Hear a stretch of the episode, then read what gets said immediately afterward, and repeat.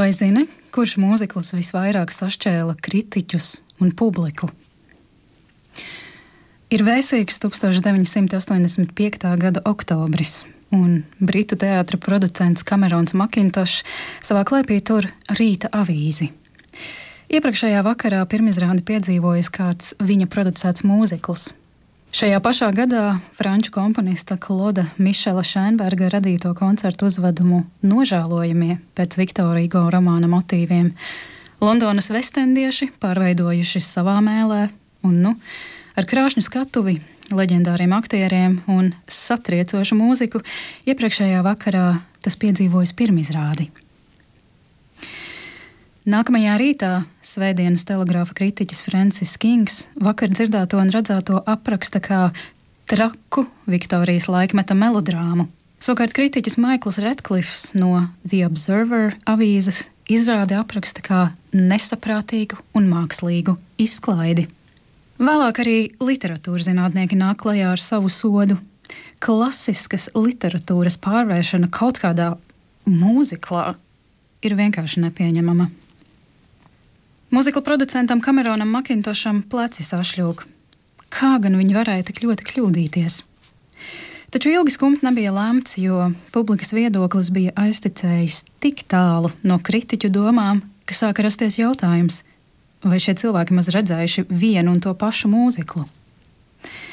Sākotnējais 1985. gada iestudējums Londonas Vestendā nodzīvoja līdz 2019. gadam, Šo 34 gadu laikā izrādot 13,000 nožēlojamo izrādes, kļūstot par otro visilgāk rādīto mūziklu pasaulē un visilgāk rādīto mūziklu Vestendā.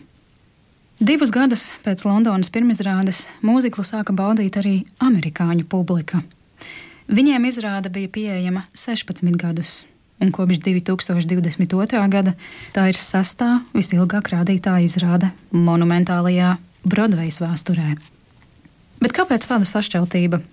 Kā mūzikls par franču revolūciju kritiķus varēja sadusmot, bet publiku aizraut tik ļoti, ka tas kļuva par tā saucamo vienas nakts sensāciju un vienu no populārākajiem mūzikliem pasaules vēsturē. Izrāda nožēlojamie iemieso sevī tās tēmas un vērtības, kas stāv pāri laikiem.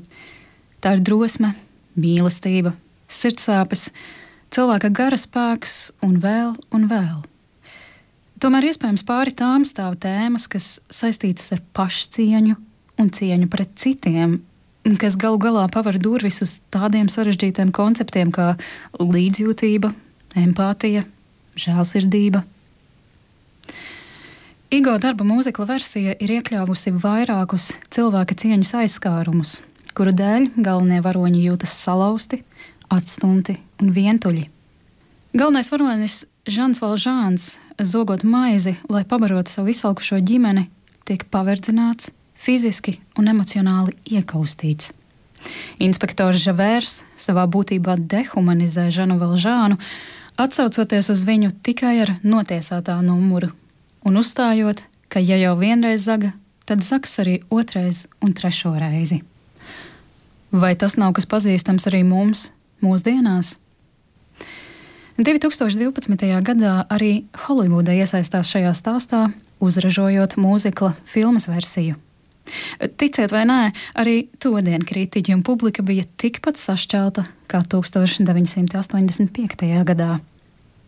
2013. gada 3. janvāra The New York Times numurā Deivids Denbijs raksta: Šī filma nav tikai slikta, tā ir šausmīga pārgalvīga, pretencioza un neprātīgi repetitīva.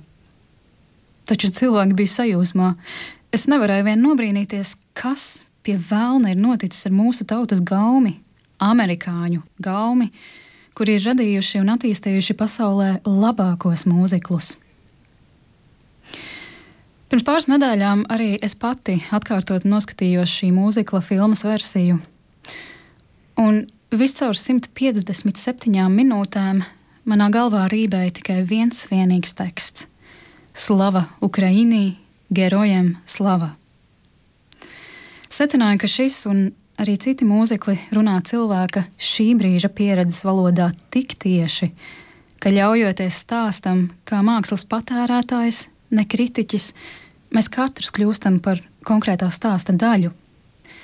Tāpat kā latvieši un revolucionāri noskaņotie Francijas studenti vēsturē un mūziklā būvēja savas barikādas, tāpat arī Ukrainas prezidents Volodimirs Zelenskis emocionāli mūs visus ir paņēmis sev līdzi uz Kijivas barikādēm.